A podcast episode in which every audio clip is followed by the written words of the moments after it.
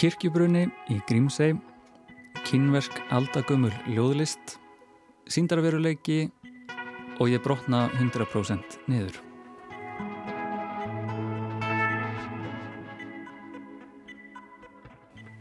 Í Víðsjá dagsins verður hugað að Grímsegar kirkju sem að brann í nótt og fangaleitað í sapni Ríkisútarsins um lífið í eiginni fyrir á tíð.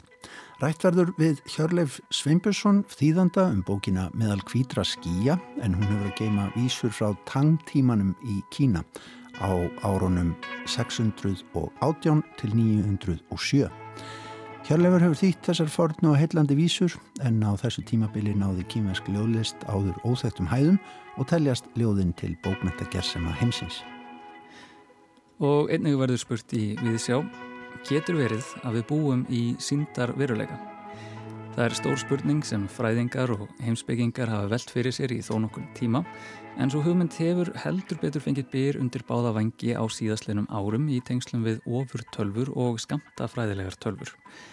Þessi tilteknu fræði verða til umræðu upp í háskóla nú á fymtudaginn. Það verður heimsbyggingurinn Benjamin B. Olsen sem heldur fyrirlesturinn heimsbyggi veruleikans vandin við Hermi Alheima Við tökum hann tali í þætti dagsins um veruleikan. Og loks fjallar Gauti Kristmannsson um nýja ljóðabók, Eitísar Blöndal, Ég brotna 100% niður.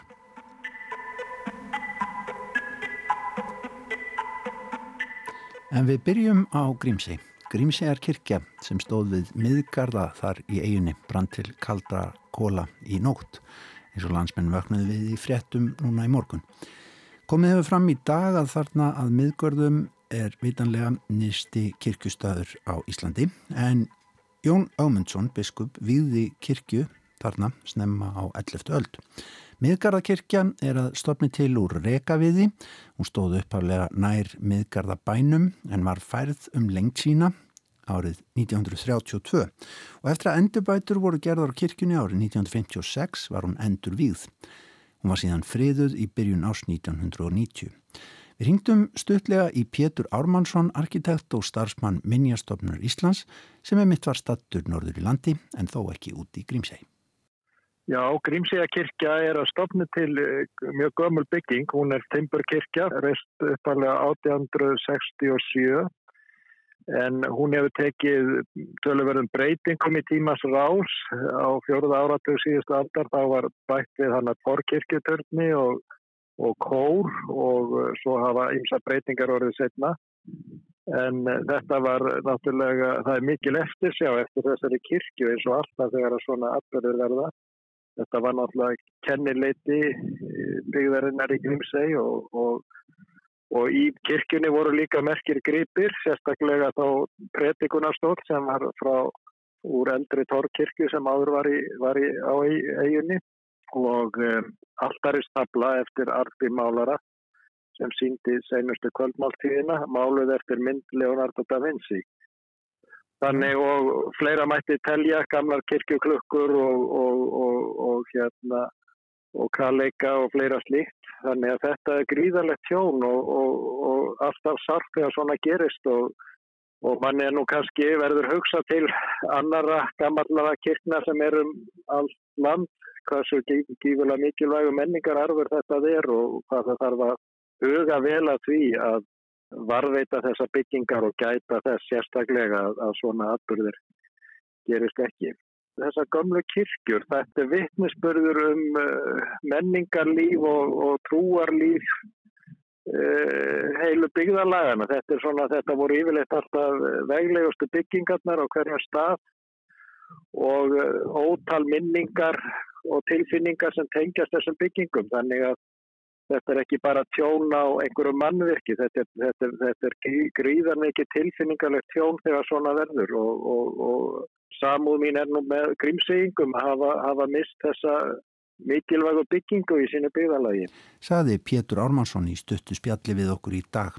En árið 1971 var Jökull Jakobsson leikritaskál dreithöfundur og útvarsmaður á ferði í Grímseg og segjum á að hann hafi þar komist í beint samband við 19. öldina þegar hann hitti elsta íbúa eigarnar. Eh, fyrir skemstu átti ég leið norður í Grímsei eh, þar sem búa 80 manns í sambíli við Bjargfuglinn í skíni miðnættusólarinnar á sumrin en við myrkur og skamdegi á veturna. En það er engin uppgjafatótn í Grímseiengum þó eigin sé afskekt og sjósókn örðug. Flestir íbúar í Grímsei er fólk á besta aldri og það er einlægur viljað þeirra að fá að búa áfram í eiginni sinni norður við heimskvöld spög. En í þetta sinn hittu við að máli aðeins einn íbúan, þann elsta. Það er Inga Jóhannesdóttir, fættu 20. júni árið 1874 og er því 97 árað aldri og lætur engan bilbug á sér finna. Að vísu er heyrnin nokkuð farin að bila og sjónin er farin en þrátt fyrir það kennir ynga barnabarna börnum sínum að lesa. Þau lýsa fyrir henni útliti bókstafana en hún kennir þeim síðan að hveða að. og þess má geta til gamans að í fyrra og hitti fyrra var Inga langamma allra nefendana í barnaskóla Grímsegjar og vísast mun það einstæmi í víðri veröld að öll börn í einum og sama skólanum eigi sömu langamuna. Ég sleppi nú aldrei eitri messu, aldrei. Nei? Nei.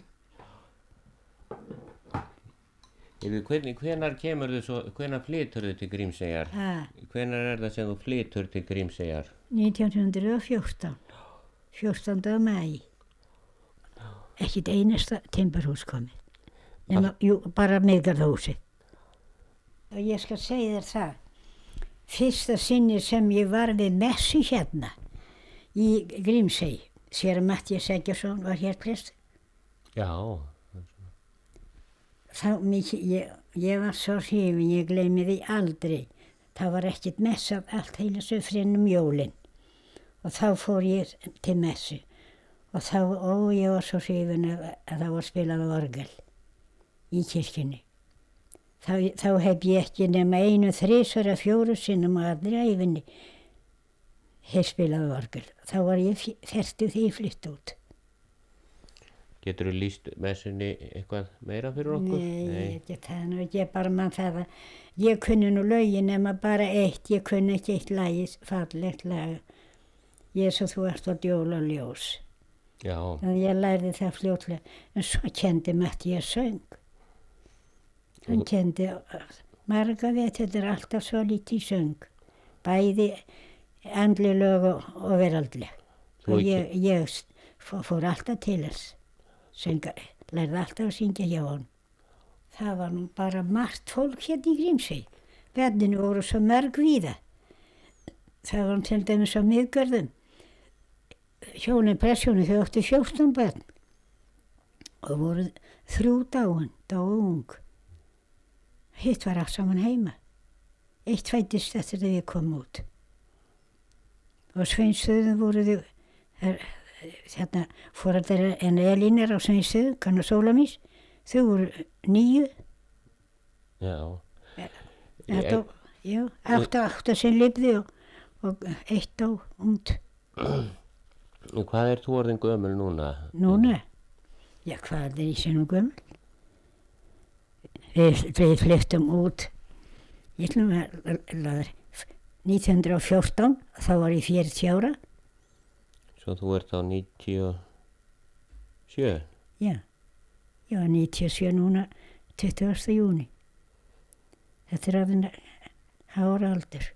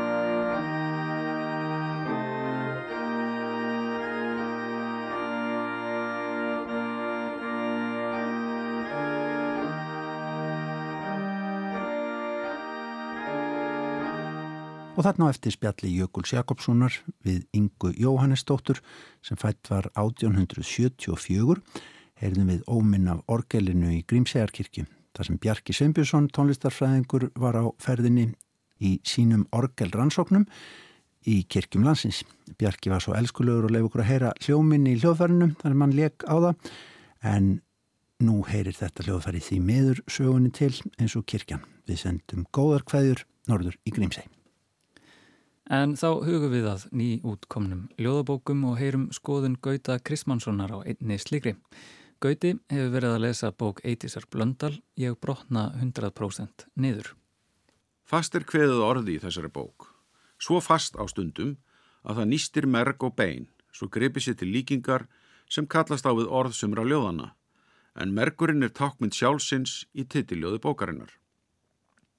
Sjálfið og sjálfsmyndir eru líka yrkisefni hér, þó með íróniskum snúningi á sköpun þessara fyrirbæra eins og í ljóðinu Ég sjálf, þar sem sjálfið hverfur af sjálfu sér þegar það reynir að skoða sjálft sig utanfrá. Samma segjum ljóðið ofkinnjun, þar sem ljóðmælandi greinir, nánast fræðilega, þar sem hann kallar harðlínustöfnu tvíhyggju, kals eða konu. Ljóðinu er síðan klikt út með sinni fræðilegu niðurstöðu sem hljómar svo. Og þetta köllum við kyngerfi sem er í raun briljant því það er nákvæmlega það sem þetta er, gerfi. Frekar en hnygt á þessu í næsta ljóði, performansin, þar sem ljóðmelandi rekur leiðina til að læra hlutverkið að vera stelpa og endar á því að setja upp grímu þar sem hann, eða öllu heldur hún, veit ekki hvað er á bakvið hana, óttast að það sé ekki neitt. Grímurnar sem við berum ganga um ljósum logum í þessari bók, grímurnar og performansin leikritið sem ljóðmælandi telur sig sjá hjá sjálfri sér og öðrum og lýsir hvoru tvekja sem byrtingamyndum bitrustu örvendingar. Ég þó ekki vissum að allir gerir sér rell út af því. Alltaf verður einhver sátt við grímubal tilverunar ef þau fá að vera með. Jafnvel þóttu hins sömu átt að segja á að um grímubal er að ræða. Skáldskapur og kvikmyndir hefur sendt okkur dæmi eins og Fahrenheit 451, Verald nýju góð og Matrix, svo nokkuð séu nefnd. Grímunótkun fylgir tiltekið ábyrðaleysi eins og þekkt er í karnevali og á grímuballum þar sem gríman losar þann sem ber hana við að bera fulla ábyrð á gjörðum sínum. Búningurinn bæði helur og tjáir personuna undir honum. Helur hverstaslega byrtingarmynd hennar sem er notabene líka gríma og ítur um leið undir einhverja erketýpu sem sá eða sú sem búningin ber vil tjá.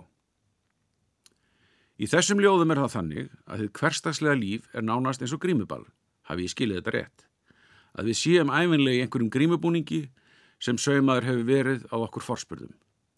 Eða eins og segir í ljóðinu sem heitir einmitt grímurnar, til og næst.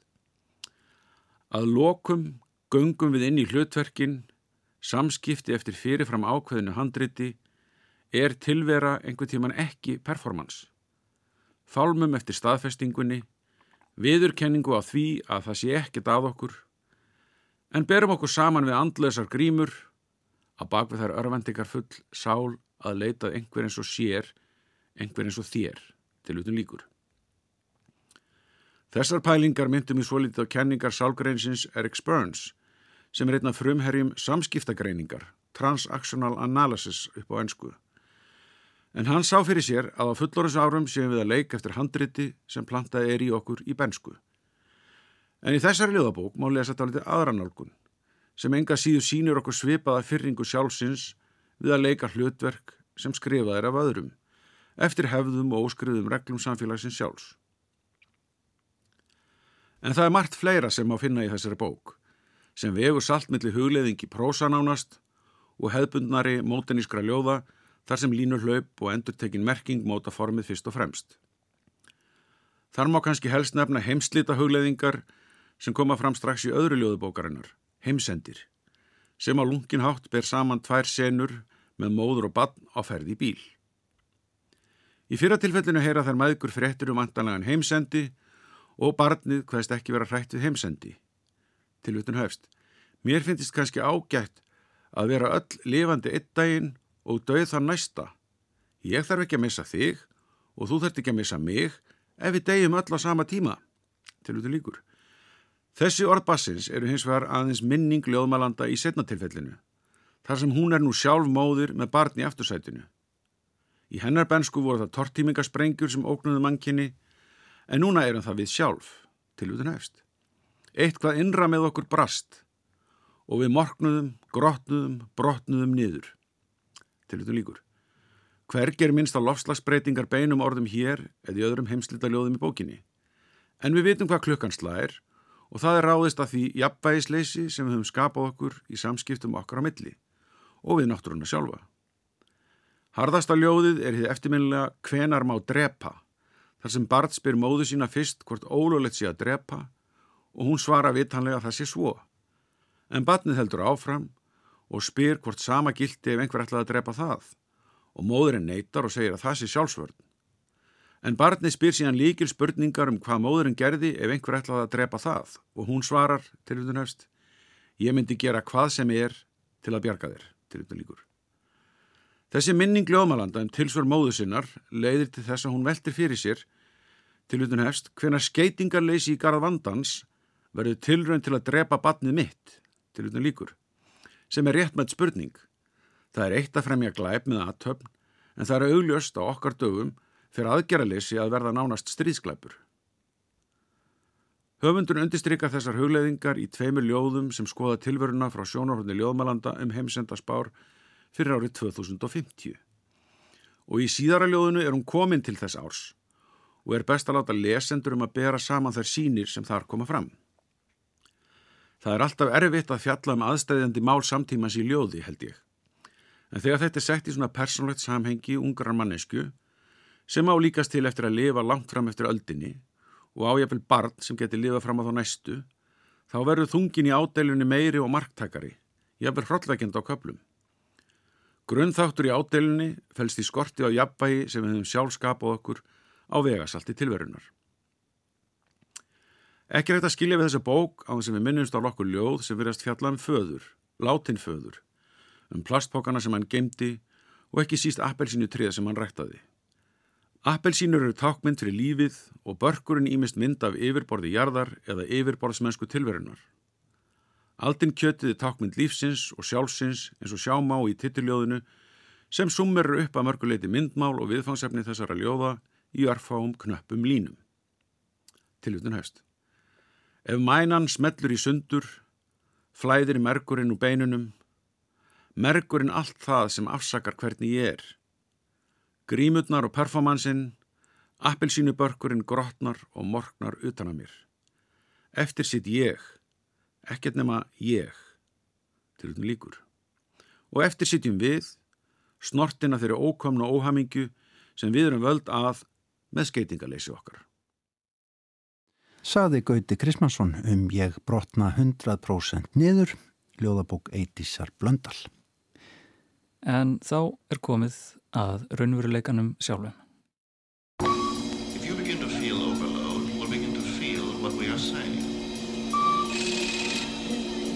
If you begin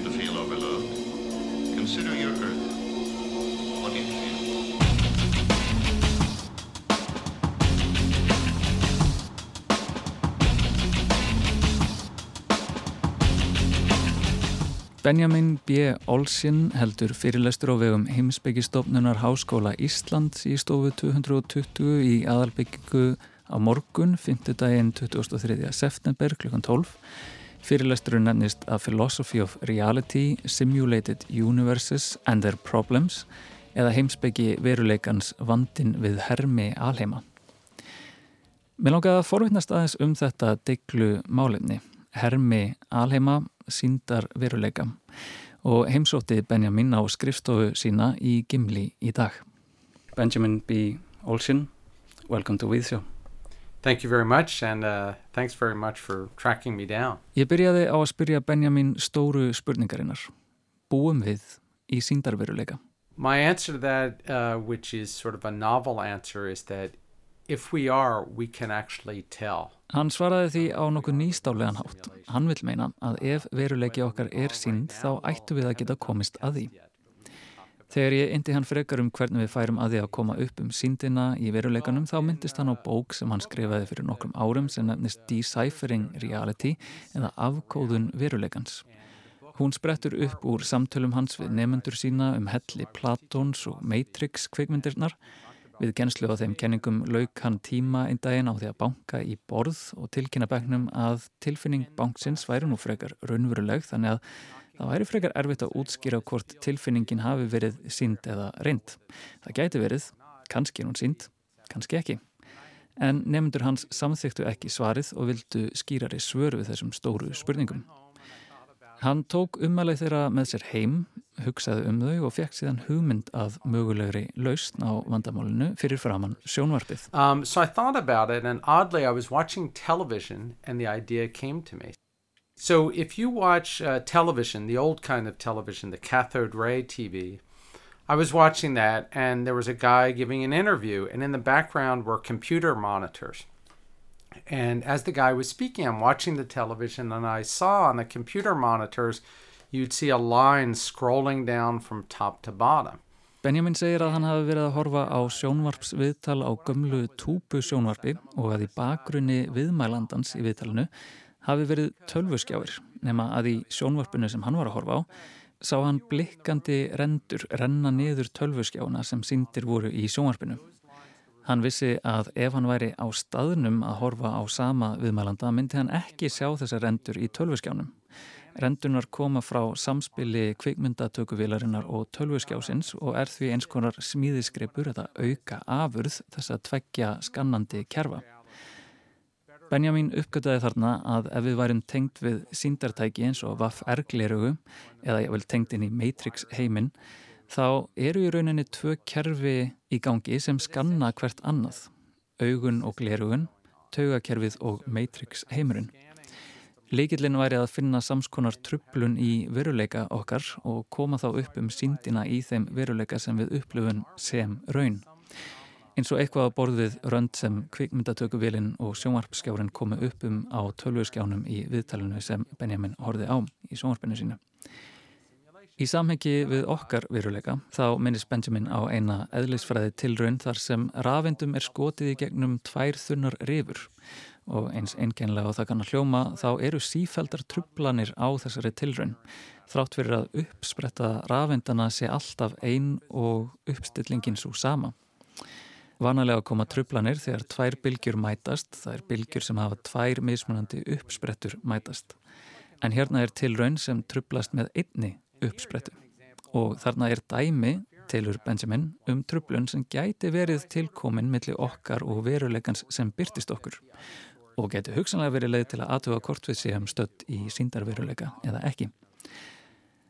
Þetta er þó ekki aðal umfjöllunarefni fyrirlestrarins, heimsbyggi verulegans, vandin við Hermi Alheima sem framfyrir á morgun.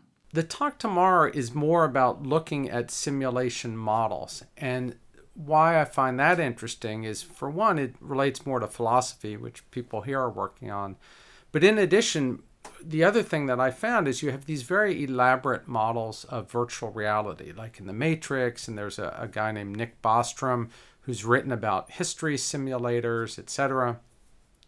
But I realized, again, it was sort of a revelation that you could reduce all these kind of philosophical, uh, technological views of virtual reality to a CD ROM, if you're old enough to remember a disk. It's just a set of data. Fyrirlesturinn mun koma meira inn á síndarveruleika líkon sem tengist betur inn á þá heimsbyggi sem Benjamin finnur fyrir í nær umhverju sínu á Íslandi. Til eru margar mismunandi hugsanatilraunir sem setja veruleikan fram sem líkan en Benjamin kýrs að nota líkingu geisladisksins til að framsetja mögulegt síndarlíkan fyrir veruleikan. Þetta snýst allt um gögn og hvernig þau eru sett saman. Geisladiskurinn er tróðfullur af gögnum og síðan er lesari sem les og tólkar þau gögn fyrir hlustendur geisladisksins. Nefna hvað að lesarin les þau eftir ákveðinni röð fyrsta lag, annað lag, þriðja lag og svo framvegis. Það er vegna þess að geisladiskurinn stýrir lesaranum með fyrirbæri sem nefnist undir kóði sem segir lesaranum hvernig á að lesa geisladiskin. Og þetta geti átt við um alheimin.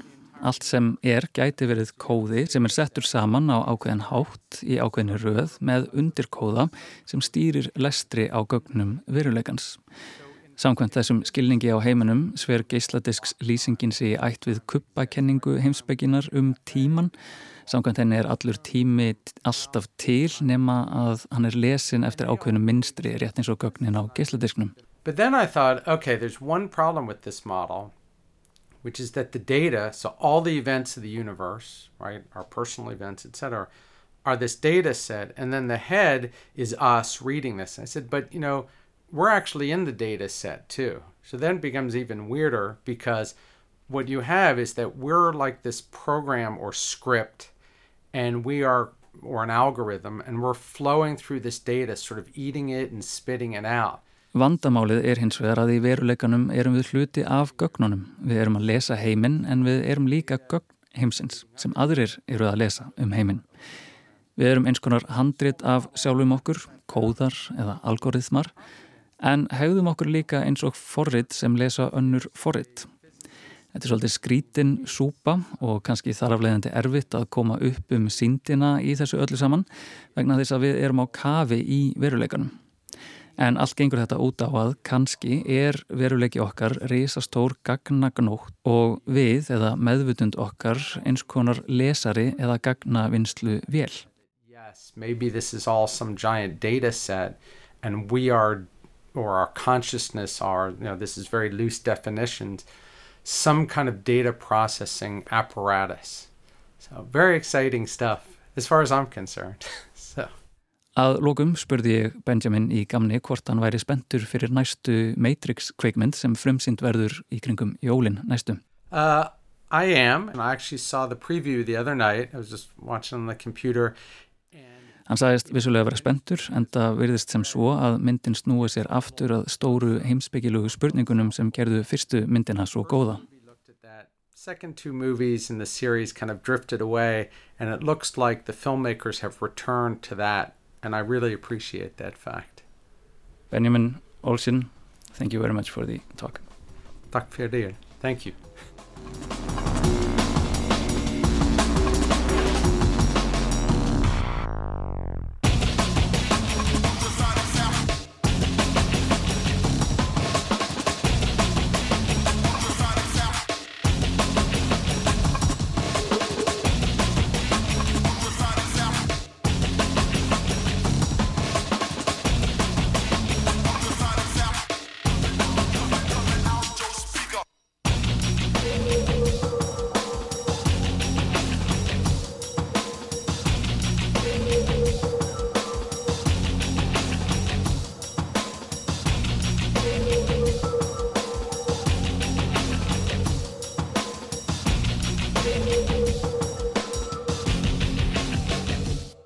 Sagði Benjamin B. Olsen sem plakkar sannlega til næstu Matrix kvikmyndar af heimsbyggilögum ástæðum. Fyrirlestur hans eins og fyrir segir í aðalbyggingu Háskóla Íslands í hátteginu á morgun. En við sjá dagsins ljúkum við á aldagamalli ljóðlist úr hinnu fjarlæga austri. Út er komin bókin meðal kvítra skýja en hún hefur að geima vísur frá tangtímabilinu í sögu Kína á árunum 618 til 907. Hjörlefur Sveinbjörnsson hefur þýtt þessar fornu og heillandi vísur en á þessu tímabili náði kýmvensk ljóðlist áður óþægtum hæðum og teljast ljóðin til bókmenta gersema heimsins. Hjörlefur kom og saði frá þýðingum sínum hér í Víðsjá og hann las líka úr þeim.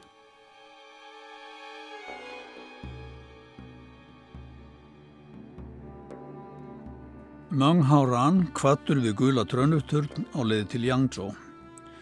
Við kvöttumst, gamli vinnur, hjá gula trönu turni, þú á leið til Yangzhou á mistur tíð blóma, skuggi seglstins í fjarska, dopnar inn í bláman, uns ég sé aðeins Yangtze sem streymir til hímins.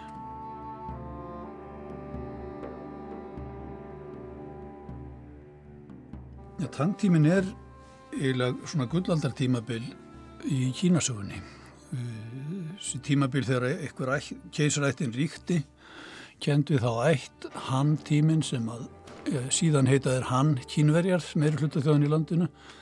Tangtímin er fyrir margt merkilegur. Þetta er svona gullöldi í bókmentum og ekki síst í ljóðlist sem er svona þar sem að það var nú alltaf toppurinn kannski í þeirra bókmentum. En þetta var líka mjög alþjóðlegu tími og fjölþjóðlegur í höfuborginni Tsangan sem við þekkjum er eins og sían í dag þar sem að leirherrin fannst í jörðu síðar. Ja.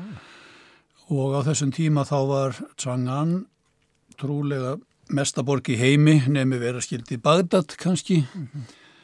Í Tsangan höfuborginni þá var alveg sægur af uh, útlendingu sem bjóð þar, vestlunar, fyrirtækir hreinlega og mikil samskipti við umheimin allt í kring. Mm. Þannig að svona í stuttum áli þá er þetta svolítið það sem að tangtíminn stendur fyrir í sögu Kína. Mm.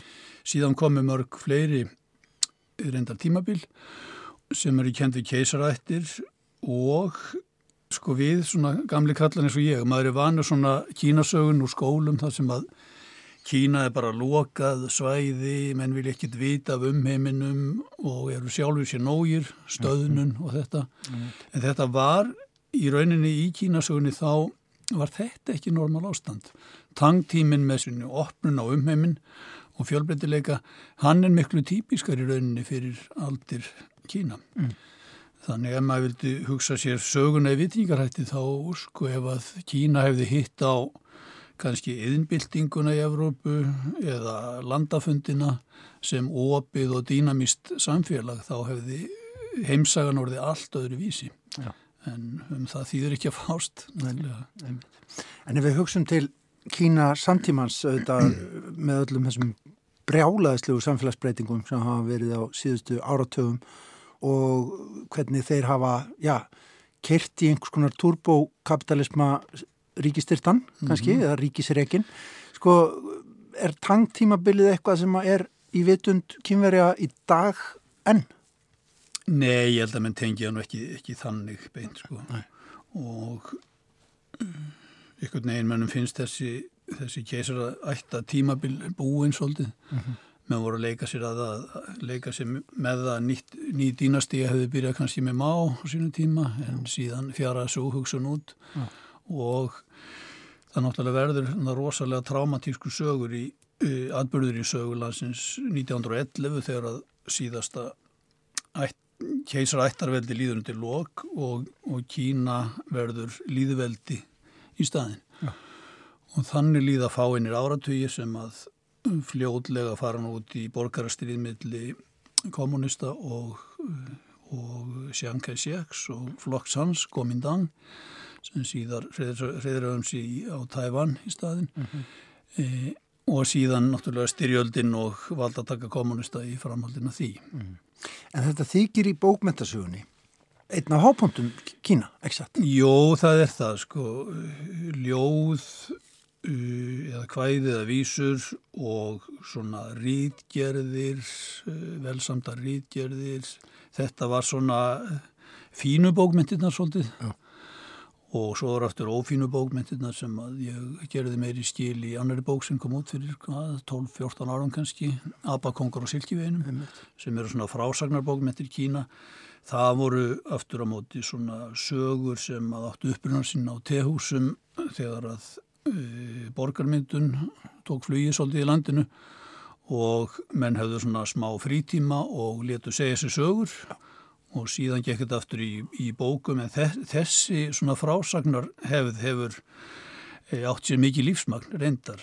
Og síðan hafa menn endurunni þetta endalust í leikritum og bíómyndum og framhalsserjum í sjónvarpi svona í setni tíð. Mm -hmm. þannig að það er mikil sagði kringu það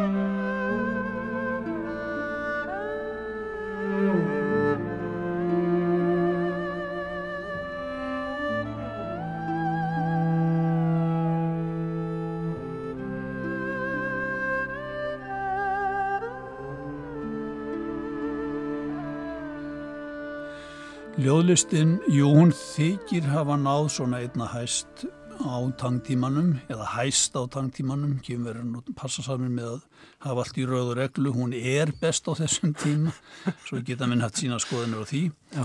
en allavega þá er þetta e, mjög heillandi hveðskapur sem þarna verður til. Og því ég bjónu hann í landinu nokkur ár að þá hefur mér alltaf þóttið þetta doldið heillandi efni. Og vildi gerðnan koma þessu yfir á íslensku bara til að geta miðla því áfram eitthvað mm. að því að maður er svo skildur ekki að mann finnst það eiginlega í manns verkar hinga að koma því til skila sem maður telur sér geta í að skila þá eitthvað nátt mm. og það er á meðal þá þetta að því að þetta hefur, mér hefur þótt þetta mjög, mjög flott og mjög vel samansett ja. og líka þetta er svo tímalöst þetta höfðar til fólks á öllum tímum þetta þó þetta sé ég flest að þessu er fyrir upphaf Íslandsbyggðar Já, sett saman og samt sem áður þá er verið að yrkja svona um kannski hverstagslega hluti, náttúru upplifanir, jafnveg náttúru dýrkun og svona mannleg samskipti, hvernig fólk kynnist, umgengst, skilnaðarstundir, söknuður, heimþrá, allt þetta svona sem getur höfða til fólks á öllum tímum. Og mér alveg magna þegar ég fór að eiga við þetta af alvöru núna í COVID-inu hvað það er í raun og veru auðvelt að brúa bíli frá okkur núna á þessum tíma og svo aftur á fyrsta árþúsund að okkar tímatæli. Mm. Ég vil helst ekki segja eftir Krista því að það passa svo illa við hann kínverska veruleika. Heldur betur.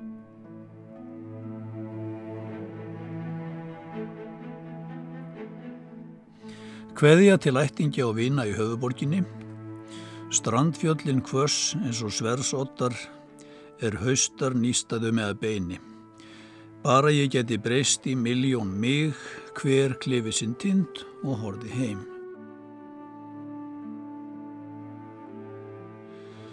Í þessari vísu, mér finnst þetta svona ótrúlega nútímalegt og þetta er svo magnaður vittnisspurður um söknuð og heimþrá, mann sem að er komin að heiman, reyndar gerður útlægur og er að yrkja þetta í sinni einsemt geti breyst í miljón mig og hver klifi sinn tind og horfi heim. Þetta er svona ótrúlega nútímalegt og sláandi sem þetta er. Og brúar aldinnar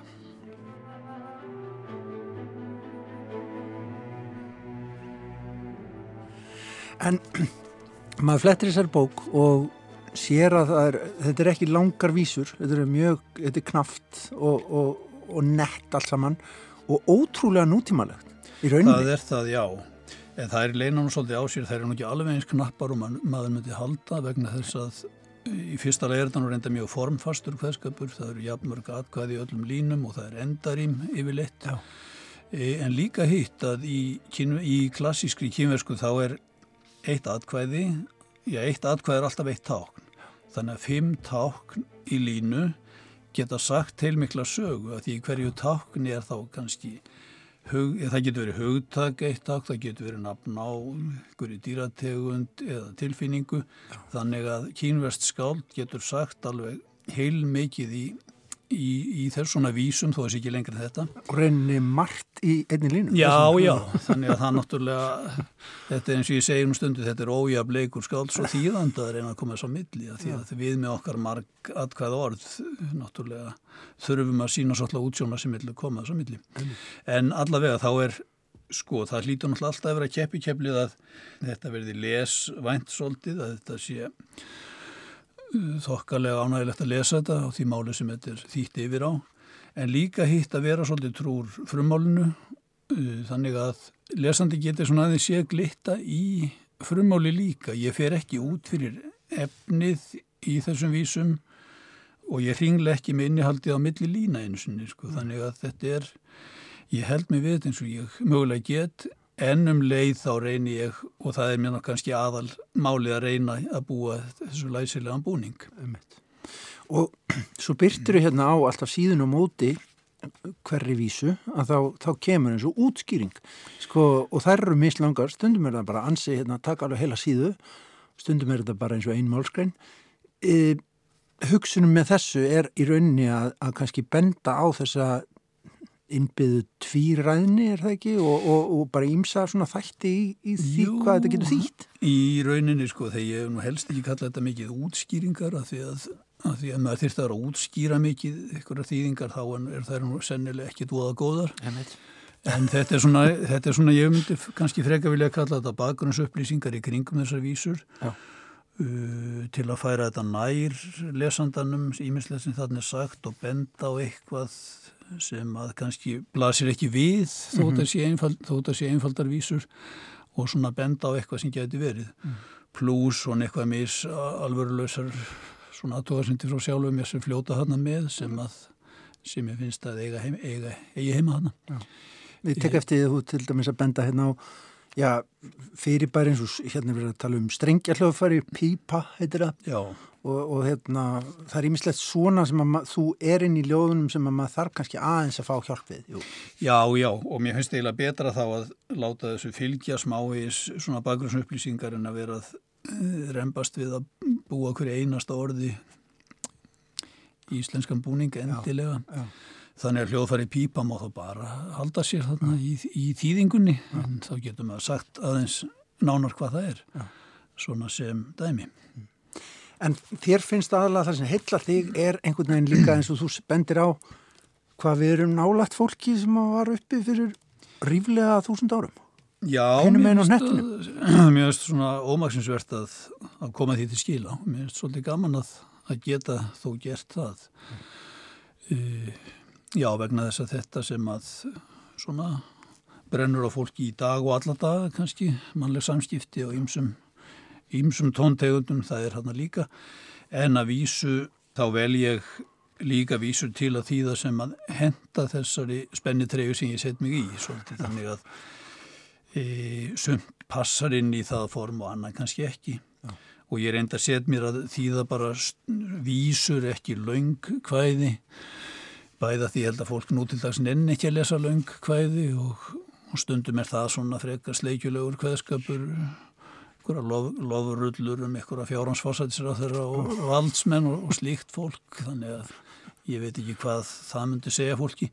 En líka hitt að þessar stuttu vísur þær kannski stafa ekki ónýman margt en svona, svona gef ímislegt í skín og þannig er ímislegt á sveimi svona sem að lesandin mánu svolítið hafi friði fyrir sig Já.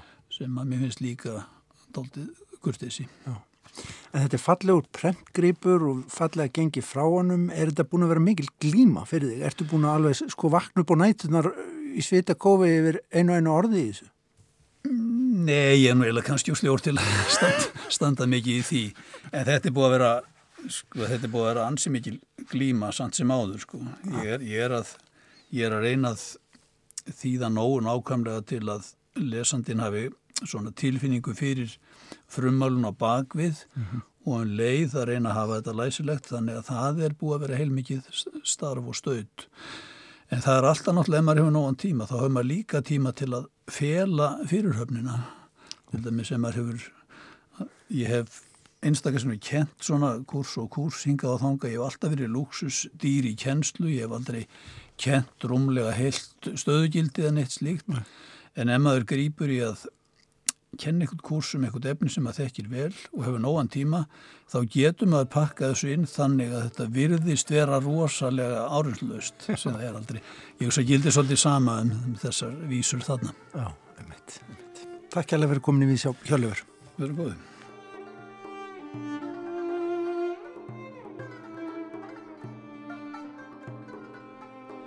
Vorbyrjun fyrir austan Torg og þannig er örnefnið Sanglín sem er svona heitið á fortfrægum görðum í höfuborginni, Tsangan, sem var svona vinsæl göngutúrastæður fyrir fólk til að horfa á blómin á vorin, en vísan er svona. Upphaf vors er besta útsjón skálsins, þá er pílviðurinn fer á róðuna. Þegar sang línir orðin sem glitvefnaður, fyllist alltaf fólki að góna á blómin.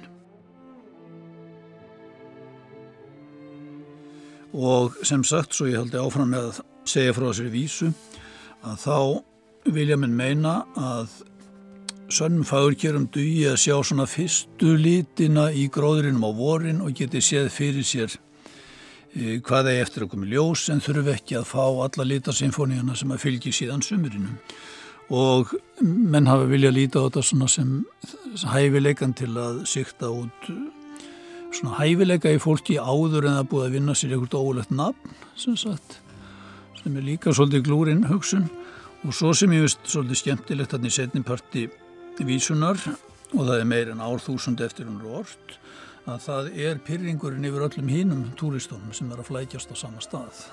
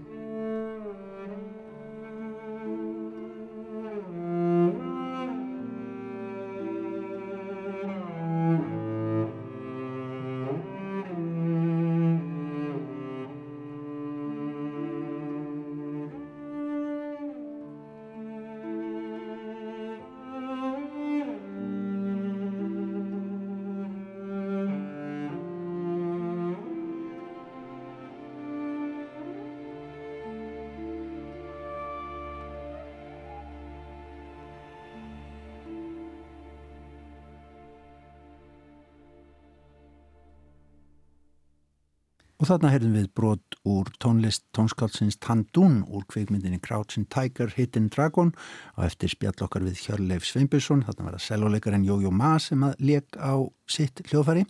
En Hjörleifur rætti við okkur um bókina Miðal Kvítra skýja sem hefur að geima þýðingar hans á ljóðum Tangtímans. Tómas, þú týndir til plötu sem á ammali í dag, ekki stóramali, en það er ansið góð plata. Jú, mikið rétt, ekki alveg stóramalið, þetta er frá 1969 og þetta er hljómsveitin The Band. Hljómsveitin. Hljómsveitin, hljómsveitin. Um, þetta, hún hefur nú verið kölluð brúna platan, þessi Já. plata, en hún heitir vist The Band líka. Þetta er þessi klassiska með þeim framann á hana, þessum töfurum. Jú, Já. þetta er svo sem kemur upp í leitinni þegar maður leitar. Já, akkurat. En uh, já, ég greip niður í uh, eitt af mínum uppáðslögum og kannski svona hittarinn líka af þessari plötu. Ég, ég elska yfirborð, eins og það segja. Já, já. En það er lagið The Night They Drove Old Dixie Down. Ekki og ónýtt lag. Alls ekki.